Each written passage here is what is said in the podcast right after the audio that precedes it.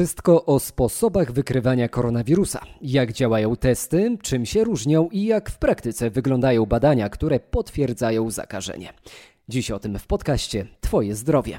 Marcin Czarnobilski, zaczynamy. Zdaniem ekspertów najlepiej gdyby przebadał się każdy, kto miał kontakt z osobą zakażoną SARS-CoV-2 lub ma takie objawy jak podwyższona temperatura, kaszel i duszności.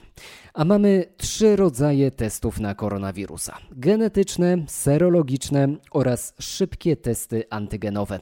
Ten pierwszy, genetyczny, polega na pobraniu materiału genetycznego do badania z dróg oddechowych. Trzeba dać sobie włożyć do nosa lub gardła tak zwaną wymazówkę, co nie jest bolesne, ale powiedzmy sobie szczerze trochę nieprzyjemne, gdyż trzeba nią dotknąć tylnej ściany gardła.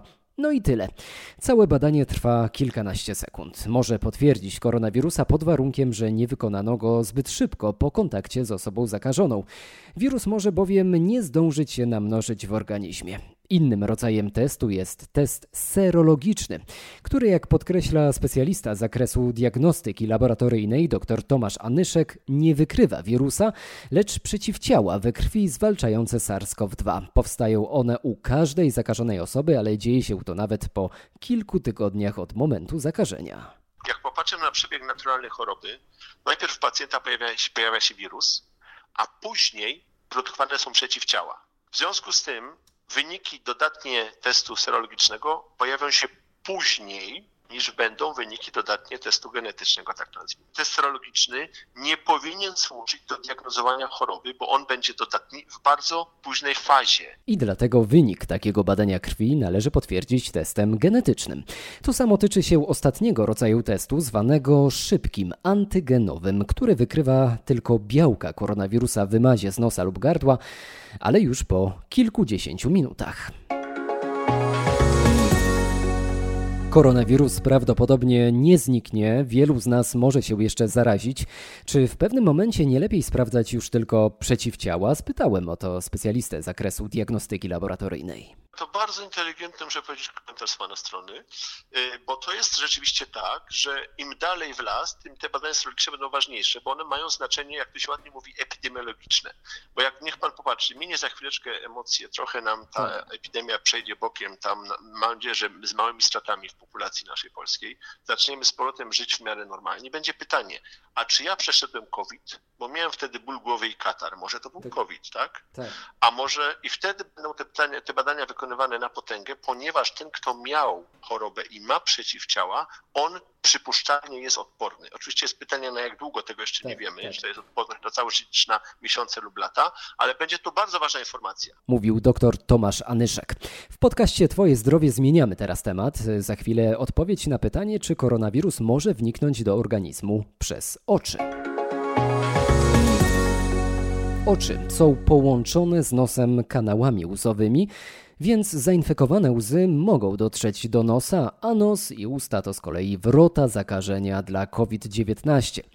Dlatego bezwzględnie unikajmy dotykania oczu, nosa i ust oraz często myjmy lub odkażajmy dłonie, apeluje okulista profesor Jerzy Szaflik, który w rozmowie z reporterem RMFFM radzi też jak zadbać o swoje oczy, gdy większość czasu spędzamy w domu. To nie znaczy, że nie należy czytać, to nie znaczy, że nie należy korzystać z, z laptopa, komputera.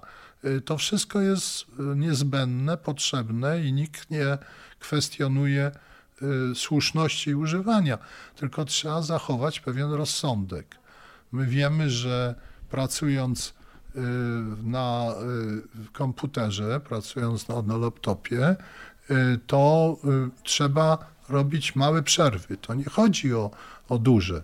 Raz na półtorej, dwie godziny zrobić przerwę, podejść do okna, popatrzeć gdzieś daleko, próbować troszkę zrelaksować oczy. Popatrzeć na jakiś daleki punkt? Daleki punkt, potem bliski punkt, y, troszkę y, rozluźnić akomodację, prawda? No, używając określeń y, takich, zresetować te oczy na chwilę. Jeżeli mamy zaburzenia z wydzielaniem łez, jeżeli mamy suche oko, no to wpuszczamy krople. Ale w takiej doraźnej sprawie, to można uzyskać pewną poprawę, wykonując taki, taki szereg mrugnięć. Po prostu 10 razy szybciutko mrugamy. I, I, już zrelaksujemy, troszkę zwiększymy ilość łez w worku spojówkowym. Oczywiście to jest doraźne postępowanie, ale mała przerwa pozwala na, i, i jak powiedziałem, to, ten reset tego y, układu optycz, optycznego, tych mięśni, rozluźnienie ich i napięcie, patrząc do, daleko, blisko, y, pozwoli nam na, na znacznie lepszy komfort widzenia i mniejsze obciążenie oczu. Czy dobrym pomysłem jest wydrukowanie jakiegoś tekstu zamiast patrzenie cały czas na niego w laptopie, bo są różne sposoby pracy w tej chwili w domu? Ja myślę, że to jest dobre rozwiązanie. Jeżeli sobie wydrukujemy ten tekst, możemy wtedy w innej pozycji, nie musimy pochylać. Często ludzie, osoby dojrzałe, tak to nazwijmy, mają jednak kłopoty z kręgosłupem szyjnym i ustawienie głowy e, w pewnym pochyleniu może być niekorzystne. Tam y, uciskamy w ten sposób tętnice kręgowe i wygodniej jest zdecydowanie, y, jeżeli wydrukujemy sobie jakiś tekst, siądziemy wygodnie w fotelu i go przeczytamy przy dobrym oświetleniu y, i wygodnie. Także to dobry pomysł. Z profesorem Jerzym Szaflikiem rozmawiał reporter RMFFM Michał Dobrołowicz.